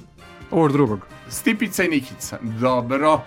ovaj, e, slušamo jednu divnu pesmu koju je pevala Ismeta Krvavac Dervoz. Još ne mogu da nađem kvalitetan snimak sa tog vašeg šlagera sezone. Duško Trifunović je pisao tekst, a pesma kaže Ljubav nema bolje dane. DJ, ovo je jedan disko za vas. Da mi brzo e, za, magični kompas kaže destinacije gde Filipović treba da ide. U Maroku. Šta će u Maroku? To je, to je prava država za tebe. Misliš? Da. Marakeš. Marakeš obavezno, a ako ne Marakeš, Kazablanka. Casablanca, jao, jao, jao, jao. Dobro, a kaži mi, molim te... Mogu da o, kažem i zašto? Zašto? Zato što u Marakešu su ljudi koji su slični meni i tebi i turisti i lokalni, lokalno stanovništvo. Užasno puno energije, mnogo se peva, mnogo je muzike i nisam video tako neku sličnu destinaciju na Mediteranu E, unutar Evrope. Pisano je to na tvom blogu, mogu da Jest, čitam. jest. Kaži mi, od, dosta si bio u Pešti, Jel to za decu, ono, naših godina, ti, ti, Aqua, Ma da, Panković, da, da, da, Odessa. ima, ima. Gde da animiramo našu decu? Deca pa, Hiperaktivno. Grčka, Turska, to pod obavezno naravno, Jel tako? ako, ako neće na more dole, to jest ako nije vreme za more, ako je zima, Dobro. rano proleće, tu je Budimpešta sa sjajna dva velika akvaparka u Segedinu. Jel, jel misliš da je trenutno jako bitno da moramo decu animirati? Mi roditelji smo pretvoreni u animatore. Jest. Mi smo takozvani helikopter roditelji. A kad tako To sad naš- kažeš, izvini, trebalo bi onda da u stvari možda sad slušamo uz ovaj razgovor a, a, animatore, Anđele, An-. Nemamo animatore, nego imamo nešto drugo. Koliko je bitna muzika, meni uvek ekipa traži flash kada putuje na neke daleke destinacije. Koliko ti je Ja bitna muzika? Uvek, strašno mi je bitna muzika, ne samo za putovanja, nego i za život, a za putovanja... Zašto? Je li muzika Pa- bitna i za jogging, bitna i za Da, da, putovanja? da, pa daje taj ritam, daje, daje tu posebnu energiju da izguraš do kraja, da istraješ to znači s čim si započeo, a što se tiče putovanja, daje poseban šmek, draž, ali treba da prilagodiš, po meni, treba se prilagodi muzika tom putovanju. Znači, e, i zavisi da li putuješ sam, solo, da li si u tim trenucima radostan ili putuješ da zalečiš dušu i, pro, i prosto e, sam cilj putovanja ide u skladu sa muzikom koju odabereš. Kakvu muziku biraš za put? Ajde da računamo i tebi i meni Mišu Kovač je neke teške trenutke u životu. Ja mislim da kad čovek ima teške trenutke, Jest. on mora da sluša Da. pa i falš pevača kao što je Mišo Kovač, ali a, nema, nema e, kada neko ima harizmu, on može malo da bude i falš, ako me razumeš. Da. On jednostavno ima harizmu. Slažem se, Podigne da. ruku i svi pevaju. Drugo, um, ono što sam jako primetio da njegove pesme imaju jedno, jedno kad si na dnu emotivno, jednu neverovatnu snagu da te izvuku. Da. Mišo Kovač se sluša kad Jest. si najtužniji. Jest, jest. Jeli, a kad se sluša plavi orkestar i Nada Obrić, šta će nama šoferima kuća? Kad si to slušao? A, pa to je bilo jedno moje prvo putovanje. Jel tako? Da, imao sam sedam godina, Poljska, Zakopane, zima, ja sa majkom i sestrom, autobusom smo se klackali do Zakopana, ja sam bio šokiran koliko dugo traje putovanje, ali mi nijednog nijednog trenutka nije bilo dosadno, jer se u autobusu non stop slušao soldatski bal Dobro. i To ako se ne varim, da, album, to je jeste, taj je album, taj se da, jeste. šta će i šoferima. Zelene su bile, oči su s drugog Tako albuma. da vidi se da mi je taj album dosta obeležio život. E, Da. Suada, čudo da, Da. nisi Suadu tražio. Ima si ti boravio negde puštao 50.000 u. Sarajevu, si bio pa ti je to tako ostalo. Si putovao do Sarajeva? Jesam, bio tamo sam ne- tamo, bio sam, bio si, bio sam, bio da, si. da. Bio do Jadranskog mora. Kakav Bio, si celo- Jadranskim morom? Istra, pa onda sve ostalo. Jel? Da. Jesu pisao o tome, obi, obilazio? Nisam- nisam stigao da pišem o Istri. stigao? Koliko zemalja si obišao do Pa sada? nisam mnogo, 30 i nekih 4-5. To tebi nije mnogo. Pa nije mnogo u odnosu Neko na druge ove blogere koji... koji Tebi, tebi nije mnogo. Izbio u Americi. Nisam, Dobro. ali, ali planiram za sledeću godinu A Engleska? zbog jednog festivala. Bio sam u Londonu. Amerika i Engleska bit će zemlja proletarska, to nije istinita priča, jel? Pa. Južna Amerika? E, idem sada, znači, u oktobru, Kolumbija. Čekaj, još negde ideš na Ibicu, negde, negde i imaš, Jest. imaš mesto. Idem da trčim sa bikovima. S bikovima. I to sam pitao tebe ako hoćeš da ideš sa mnom. Nisi mene pitao, pitao si koleginicu. Tebe nisam Mene pitao. da Evo pitaš sad ću javno da te pitam. Evo emisije. slušalci, vi možete da mu mm, savjetujete da ako, Ja trčim ako imate neki oblik mora, komunikacije... e, jel se radi osiguranje? Jel se radi E, ja bi ti savjetovao, da, ja bi ti savjetovao da imaš zdravstveno osiguranje, Pam, Imam ja Pamplona, početak jula, svake godine Šta tamo. ću s bikovima To je gl- znači glavna, si negde glavna rekao letnja ovaj, atrakcija. A kaži mi, molim te, ovo Barcelona, Valencija, kažu da je to fantastično. Pa jeste, to je najlepši deo Španije što se tiče mora, što se tiče tog nekog provoda, ali ja bi uvek preporučio pre Andaluziju, jer ona je Jeste. za sve koji su zaljubljeni u, u život, u drugu osobu. Šta to znači? U... Andaluzi. Andaluzija je meni romantika, znači... Sam si od romantike sazdan. Da. Pa tražiš Nadu Obrić. Pa to nema nigde. Zbog tog puta. Zbog tog puta. Zbog tog puta mi je ostala A, a zauvek nada obrić u srcu. plavi orkestar, toliko omiljena grupa, koliko pesama ovde imaš na playlisti. vidiš. Je li to krivac tvoja sestra? Ja, ja je mislim da krivac? jeste. Jeste. Ona je toliko slušala Jest, plavi orkestar. jest. Ko je slušao plavi Zbog orkestar? Pave, ne zbog e, o, znači Saše Lošića, nego A, zbog kaži Pave. mi, molim te, sastav, kao što je i reprezentacija, sastav plavog orkestra. Ima Čera Lošić, 1, Čera 1, Čera 2, Samir i onaj drugi, kako se zove, Čera Mida, mislim da su se jeste, prezivali. Čera Mida, tako Jeste je. i Pava, mislim da je bio Zoran Pavić, ili tako Jel nešto. Pava, onaj plavi, Plavi s dugom kosom, da, da, što, što, Jel? što, što je bio A omiljen kod što si ti devojčica. došao na radio televiziju Vojvodine s kapom? Ko je tebi dozvolio kafu, da, kafu, kapu da nosiš na radio televiziji Vojvodine? I sam Mogu ne si znam, s ne- nešto mi se sviđaju kape u Ne, poslednje vreme. neverovatno je, znači ulazimo s kapom, ja ne znam, do- dobro je da mi niko nije rekao što ulaziš s kapom, po, ovaj, kapa se skida. Neću sledeći put. Dobro, lepo nam stoji, dobro je za društvene mreže, dobro je za lajkove. Dakle, specijalna pesma, svi će se prepoznati iz Ilinog okruženja, jao šta će nama šoferima kuća, Udri. Nada Obrić i Plavi orkestar, Sajo, to otvara i stovara i mo, Evo moja harmonika. kala, evo udri, udri, udri. Sajo, utovari, stovaraj svoja kola malena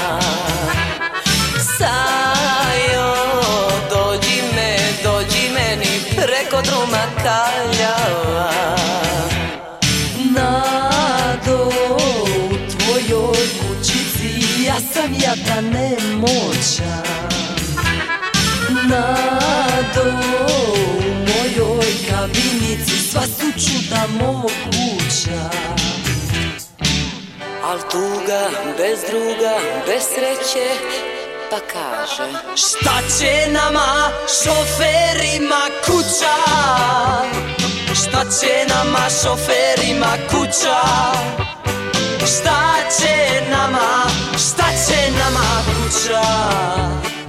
Kad je naša kuća putujuća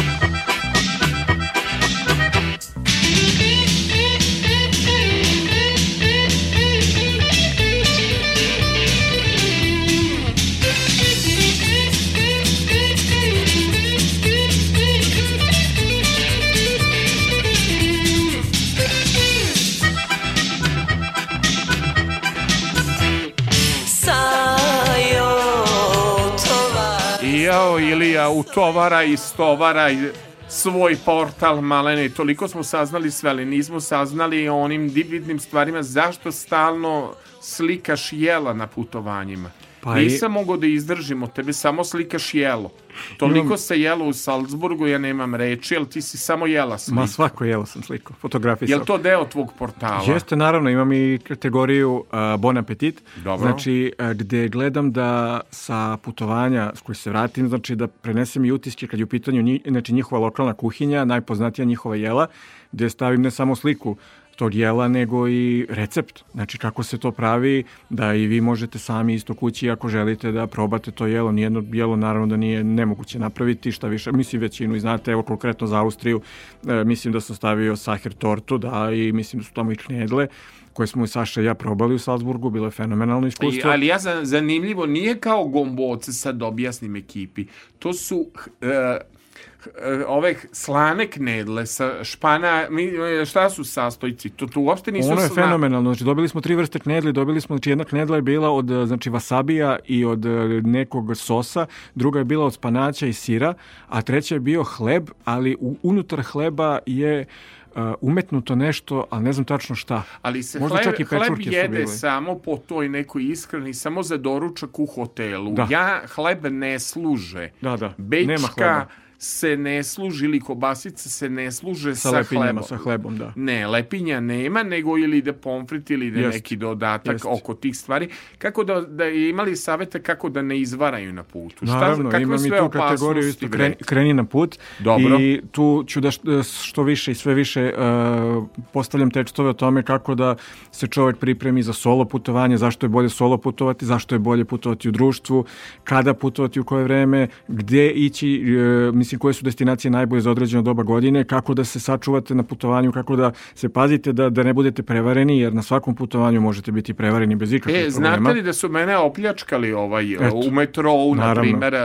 Neki Rumuni u, nisam verovao da to može i čak sam pisao i konzulatu i ambasadi da mi nađu dokument, neverovatno, znači novčani, pasoš mi nisu dirali, ali neko lagano mene u metrou mi je izvukao novčanik. Gdje ti je Ja stajao novčanik? Pa stajao mi u torbici, onoj. A gdje je bila torbica pozicionirana? Pored mene, nisam Kako? je držao. sa strane? Pa sa strane, Bočno? ali nisam, nisam je da prostiš stisnuo torbicu, Znači, nego je ti- ono, ja pomislio telefon vibrira. Kad ono odvibrirao ovaj i pošaljem i posle mi priđe čovek ovaj na nekom prijemu i kaže gospodine Filipoviću primili smo vaš mail a od vašeg, vaših dokumenata ni traga ni glasa srećom da mi je pasoš oslo. Vidiš šta se sve dešava na putu. Odlično si sad to ispričao da bi ja upravo dao savjet eh, svima vama da kad putujete, ako imate torbice, prvo moraju da budu napred, znači da ih nosite Gde ili da oko napred, struka. ne, stomak mi je Da, toliki ne. od ovog jela iz Žao mi je, ali ako hoćeš da stavim? sačuvaš, ako hoćeš da sačuvaš novčanik, onda mora tako. bravo. Ili unutrašnji džep jakne. Bravo. Kris odlično pokazuje gde se čuva. Zato ja Da. imam čoveka nikako, koji... Nikako džepovi pantalona i... A, ili ali, torbice. ali postoji još jedna pesma koja je... Fe... E, da, reci ti sad meni, gde me ono vodiš? Čekaj, rekao si Bikovi, gde se to nalazi? Ne, rekao sam Bikovi su Pamplona, ali sam ti rekao da je moja omiljena destinacija gde sam bio prošle godine Maroko i e, fenomenalan grad Kazablanka od nekoliko miliona stanovnika, Ali gde je potpuna meni... ludnica. Ludnica, kako u Ludnica. Kazablanci? Fenomenalno je u Kazablanci, znači... Je kao u a, filmu ono Henry Bogart. Nema to toliko veze s tim, mada sam bio u tom kafiću gde snimam film. I dobro. Ali um, biti u Kazablanci je kao, kao da ste, ako ste, ako je neko od vas bio u Bangkoku ili u Njujorku, pa još puta tri za ludnicu, brzinu, za haos. Potpuni je haos u gradu. Da. Magični kompas, jela, a zašto ti mene ne vodiš na Tajland? Misliš da će da me iskvari mnogo? Uopšte mi nisi Tajland ponudio kao Nisi ti varijanta. Pa on- zašto ja nisam za Tajland? Pa prvo- Nisi mi ponudio Tajland. Ponudio mi tamo bikove, ponudio si mi ne znam šta. Uopšte Tajland ne smatraš da sam adekvatno društvo za Tajland. Zašto? Zbog brzine. Kad budeš, kad budeš uh, džogirao sa mnom i kad budeš uh, ušao u tu fizičku formu, onda si za Tajland. Jel da? Tamo je isto jako brzo. Ako je mogla Tijana Dapčević da ide, a ja ne, ne mogu da idem, to, Zavisi to je je išla. Ako je išla na Pa Puk- išla je Phuket tamo na plaže, Da, e, to je druga stvar. plažu. Za to jesi. A za Bangkok, ne. Što? I znaš da imaju ona pesma Bangkok, onaj disko ima. Uh, disko pesma o Bangkoku. Onda ćemo morati da vežbamo. Dobro, ajde da vidimo o Kazablanci šta Bora Đorđević govori. Meni je od, jedna od najdražih pesama e, trenutno Jugoton Koracija Records remasterizovala, ponovo ima na vinilu, jel voliš vinil? Da. Ponovo, dakle, Kazablanka pa da odjavljujemo polako. I ja što volam, volam ovu pesmu Riblja čorba Kazablanka. Fantastičan početak. pesme. Jako dobar početak.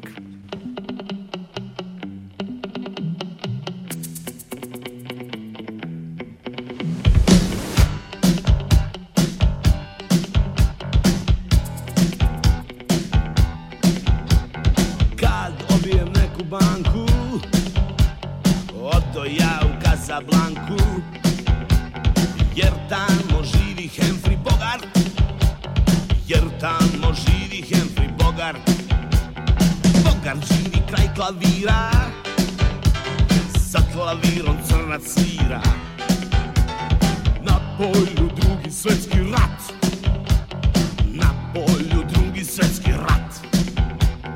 Pije viski, mnogo puši Jer ga guši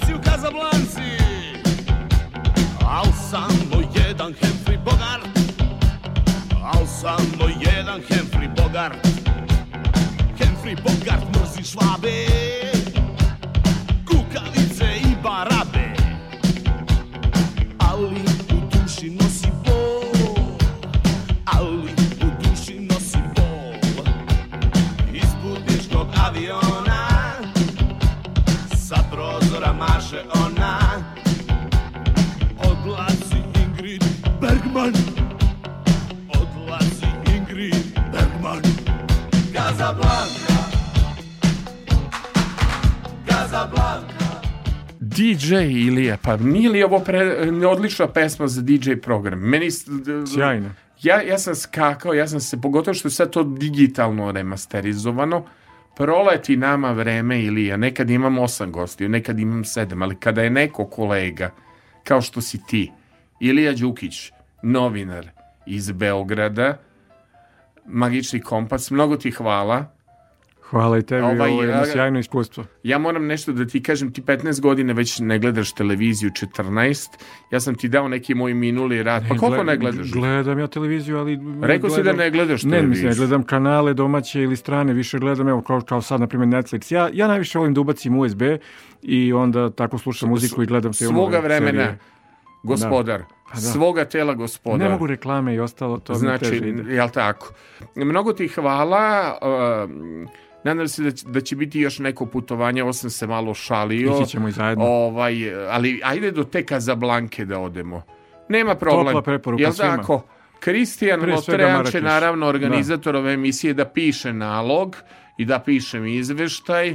Vidiš, Krisi, samo da najavim, toliko imamo gostiju. Puni smo do Orebića. A vidi, dogovorio sam, Kris, samo da ti kažem, duet s jednim čovekom u Orebiću. Samo da ti kažem da znaš, tražio čovek sa mnom da peva.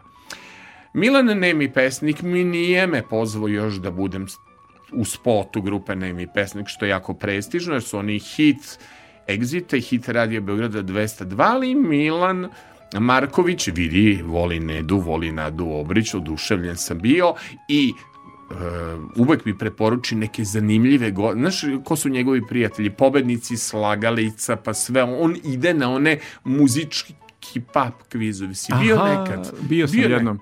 I kakvo si znanje pokazuje iz muzike? Nije loše. Nije loše. Pa Dobro, tako sam, ali- Ne, ne, tako sam i došao, moram sad se pohvalim za kraj, tako sam i došao 96. godine na tu radio stanicu, je bio test, uh, znači muzički test je bio u pitanju, nas 120 je bilo, od toga su samo dva čoveka primili, ali si morao da pokažeš znanje iz oblasti muzike domaće strane i ja sam bio drugi. Dobro. Tako da i taj kviz isto je dobro iskustvo. Bio. Nejda Todorović predavala ili Jeste, Kljajić? jeste. Ja mislim da se Kakav zvao si bio predmet fo- tehnika, novinarstva I ili kakav tako si nešto. bio sa novinarstvom? Okej, okej sam bio, dobar sam bio tamo. Kakav si sa stranim jezicima? Vidim da odlično se Pa engleski i snalaziš. nemački, da. Znaš i nemački? Ja, Na natur- natürlich. Ja. Naturlich, dobro. Pa hvala ti puno, Ilija. Bilo je ovaj, da kažem, jako zanimljivo je da ne zaboravim našeg Dragana Vukmirovića, Draganče. Jesmo bili dobri. Vidim ga. Fantazija. Kaže, fantazija. Neće se ni ovi u tom službi namučiti jer se nisam dernjao. A, A inače se dereš? Dernjam se. Pitaj Dragana šta doživljava u čuvaru noći. Dolaze po tri gosta. Onaj bio, ko je bio onaj... Bio je bilder, bravo, dobro si rekao, pa bio je čovek koji je smršao 30 kila, pa je bio fotograf. Takva neka mikrofonija, u smislu što ljudi uneše neku energiju, ali Draganče, kod njega mora da bude zvuk cakom pakom. To je ona stara, dobra škola. To je Pa profesionalac. to je profesionalizam. Nema Filipoviću da se dernjaš. Ne može ni Forge sad objašnjavam Kristijanu, ne može ni Forge da me smiri da te nivoe. Slušali ste još jednu emisiju da je Dragan Vukmirović bio dakle sa nama, naravno odgovorna urednica Milada Popović koja eto daje autorske slobode, ovdje znaš postoje autorske emisije, ovo je radio koji se gleda, radio koji si išao narod i si išao u društvene mreže, nadam, te kao, nadam se da ti kao starom radijskom vuku ovo prijelo da je zaista onaj radio, da ćeš nasmen da mi se vratiš u Beograd. Pozdravi sve moje drage dame koje me vole iz tvoje porodice. Ima ih mnogo. Jel ima mnogo? Ima, ja vidim nije samo majka i sestra, ima tu familija. Vidim, vidim, vidim kako sam se s tobom, odmah ću staviti sliku, kako sam se tagovao, odmah sam dobio zahteva. Obično je ucena. Pratiš me, pratim te. Nema, nema drugog, ali ko- kod tebe No, sam kod ja mene u dobio. životu nema ucena. Ne, to mi je jako bitno da si takav. Dakle, ovo je bio Ilija Đukić i naravno jedna lepa, pozitivna pesma Nek živi ljubav, nek se budi dan, neka svako dete ima miran san. Vlado Kalember, tek sad inače saznak da su Kalemberi negde iz Like i shvatih zašto je Vlado Kalember kao i Boris Novković jako prijateljski orijentisan prema domaćim medijima. Sve to ima svoje zašto i zato.